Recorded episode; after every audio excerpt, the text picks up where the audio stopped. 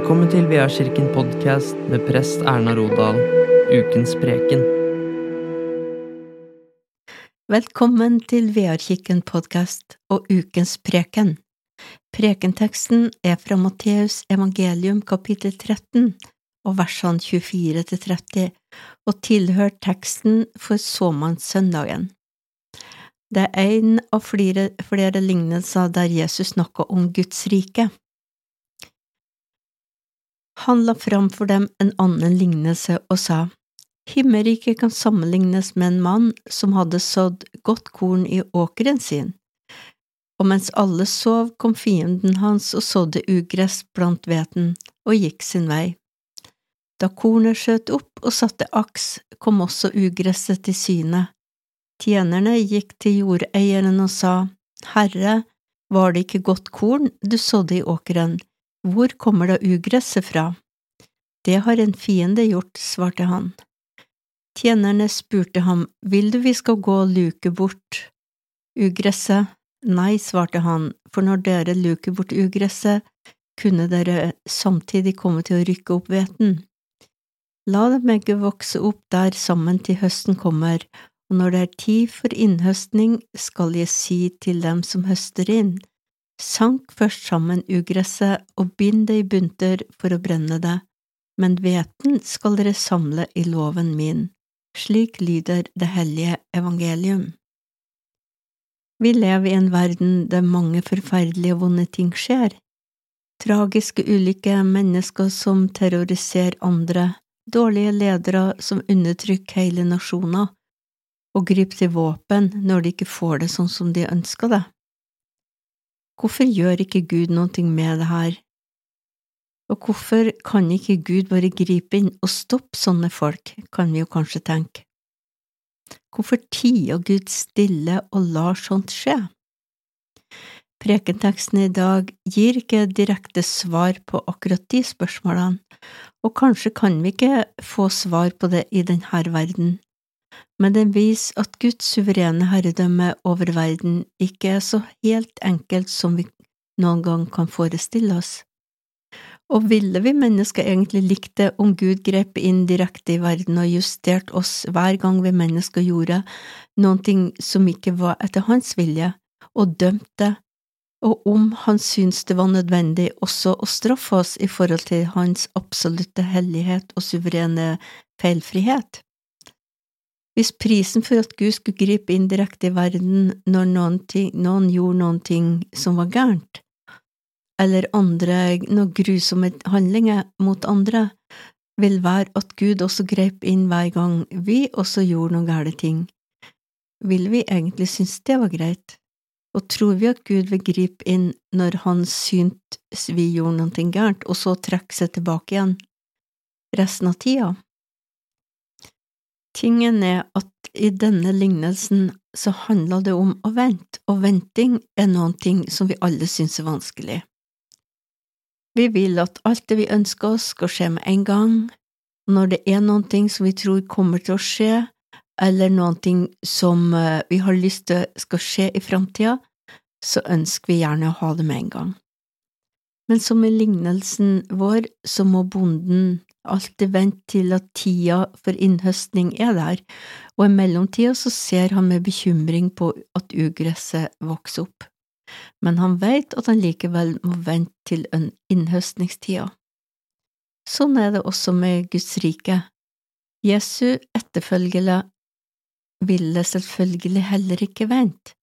Hvis Guds kongerike var veldig nærværende der Jesus var, og ble født fram i det Jesus gjorde, så ville de sikkert ha alt med en gang. De var ikke interessert i Guds timeplan, de hadde sin egen og forventet at Gud skulle bekrefte den. Hvis vi legger merke til hva tjenerne sier om å luke bort ugresset, så kan vi se at sånn var det. De ville gå ut på åkeren og med en gang rykke opp ugresset. Men bonden stoppa dem, fordi det her var liv det var snakk om, og det kan være ganske skjørt, og i tjenerne sin iver etter å rykke opp ugresset, så kunne de ta hveten også. Kan Jesus ha hatt i tankene noen av de ulike gruppene av fariseere som gjerne vil kjempe mot hedningene, og på den ene sida, og jøder som vil leve mindre strengt etter loven på den andre sida? Disse tjenerne hadde nok sin intensjon om å gjøre Guds vilje, de lengta etter at Gud skulle gripe inn, og ville gjerne hjelpe til med arbeidet ved å sjøl gripe inn. Men Jesus sin gjerning var nettopp å fortelle at det var ikke sånn det var, det var ikke sånn, det er ikke sånn Gud gjør det. Det sanne Guds kongerike kommer ikke på den måten, fordi det er ikke sånn Gud er. I kjernen av lignelsen om ugresset og hveten er tålmodighet, ikke bare tålmodigheten til tjenerne som hadde venta, men Guds tålmodighet. Gud nøt ikke og nyt ikke synet av en kornåker med ugress overalt, men han liker heller ikke tanken på å erklære innhøstningstida for tidlig og ødelegge hveten sammen med ugresset. Mange jøder på Jesu tid anerkjente her å snakke om Guds medfølelse og omsorg, og her er det snakk om å forsinke Guds dom sånn at flere mennesker kunne bli frelst til slutt. Jesus, fulgt av Paulus og andre tidlige kristne forfattere, hadde samme syn. På en eller annen måte ønsket Jesus at hans etterfølgere skulle leve med spenninga ved å tro at riket virkelig var kommet, og gjennom hans eget verk, og at dette riket skulle komme fullt ut. Ikke alltid en smell, men å gå gjennom en prosess, som den langsomme veksten av en plante som vokser fram fra et lite frø og til en moden plante.